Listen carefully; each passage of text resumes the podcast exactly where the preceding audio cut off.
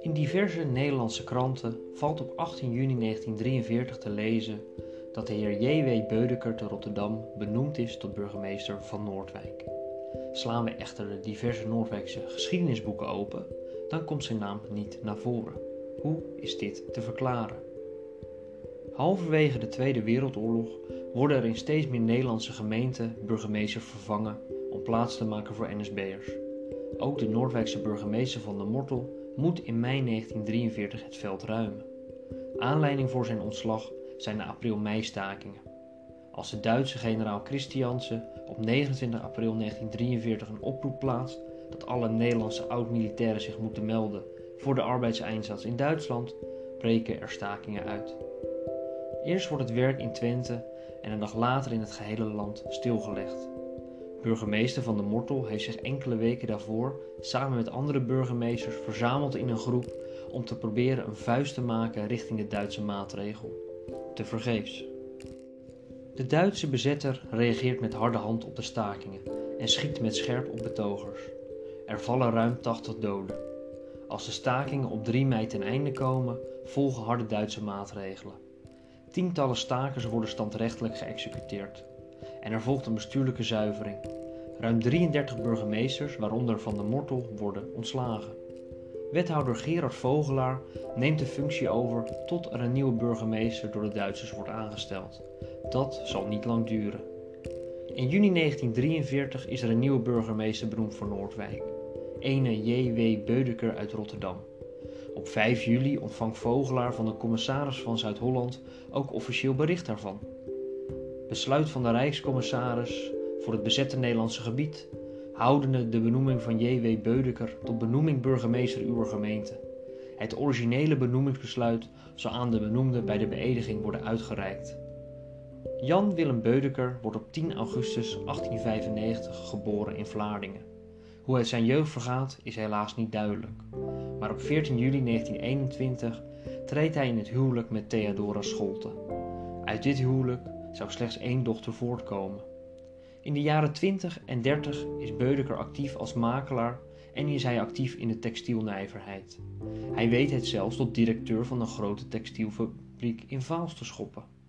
Als we de krantenberichten erop naslaan, blijkt hij de ene zaak te kopen, deze failliet te laten gaan, om weer volgens weer verder te gaan en weer een andere te kopen. Dit blijft hij zijn gehele leven doen. Of dit zuivere koffie is geweest, kunnen we betwijfelen. Beudeker sluit zich aan bij de NSB en zal, tot hij in de gevangenis belandt in 1943, trots lid van die beweging blijven. In de tweede helft van 1942 hoort Beudeker dat er een commissie van de NSB van plan is om naar Rusland af te reizen en al daar de mogelijkheden te bekijken Nederlandse industrieën op te richten. De studiereis wordt gemaakt en Beudeker mag mee, nadat hij in Utrecht bij het hoofdkantoor van de NSB toestemming heeft gevraagd. Hij heeft ook Russisch gestudeerd en dat komt dus goed van pas. Het initiatief van de reis ligt geheel in de lijn van de Nederlandse Oostcompagnie, die in juni 1942 door Meinoud Ros van Tonningen wordt opgericht. Met de NOC-organisatie wil Ros van Tonningen Nederlandse koloniën stichten in door de Duitser veroverde gebieden, met name Oekraïne, Estland, Letland en Litouwen, die zogenaamd door de Duitsers bevrijd zijn. Daarbij ziet de organisatie zichzelf als voorzitter van de traditie van de VOC. Niet voor niets lijkt de naam en de afkorting NOC hier dan ook veel op. Na de reis adviseert Beudeker negatief, terwijl de rest van het gezelschap de plannen in het oosten wel wil doorzetten. Dit zal hem zeker niet in dank zijn afgenomen. En Ros van Tonningen schrijft dan ook in een brief in januari 1943 om voorzichtigheid te betrachten met deze man. Beudeker meldt zich in Utrecht bij de NSB, alwaar geadviseerd wordt om zich beschikbaar te stellen voor het ambt van burgemeester. De NSB gaat zich voorbereiden op eventuele overnames van burgemeestersposities en worden zogenaamde burgemeesterscursussen gegeven. Beudeker meldt zich aan en doorloopt de cursus met succes. Hij krijgt een drietal examens over gemeenterecht, staatsrecht en gemeentelijke financiën. Vooral dit laatste examen maakt hij erg goed, terwijl zijn kennis en begrip van staatsrecht maar matig zijn.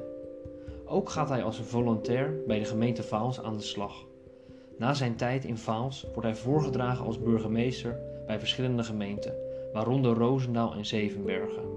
De Duitsers hebben echter andere kandidaten en Beudeker moet daarom wachten. In 1943 wordt Beudeker aangeklaagd voor feiten die hij in 1940 gepleegd zou hebben.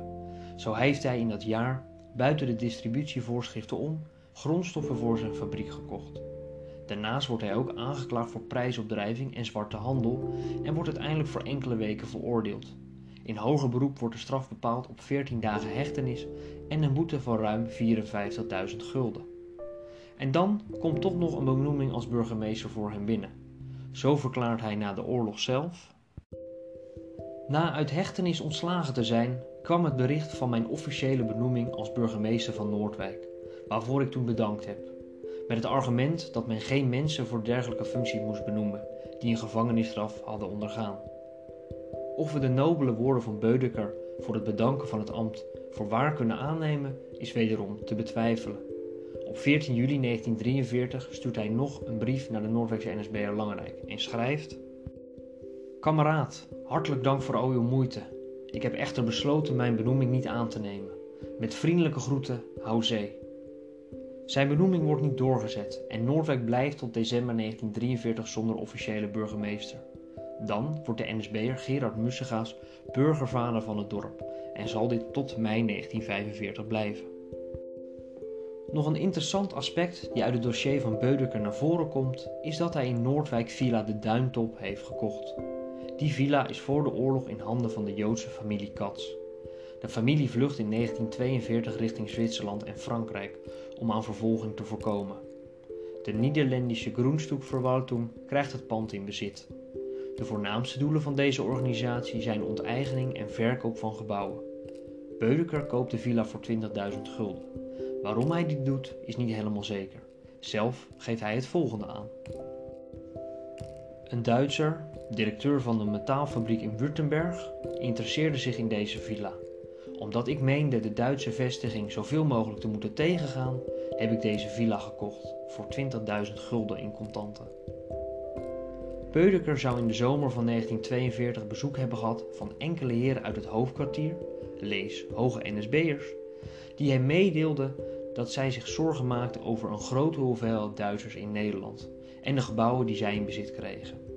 Aan Beudeker wordt gevraagd als vermogend man om zoveel mogelijk stukken op te kopen voor de Duitsers dat doen.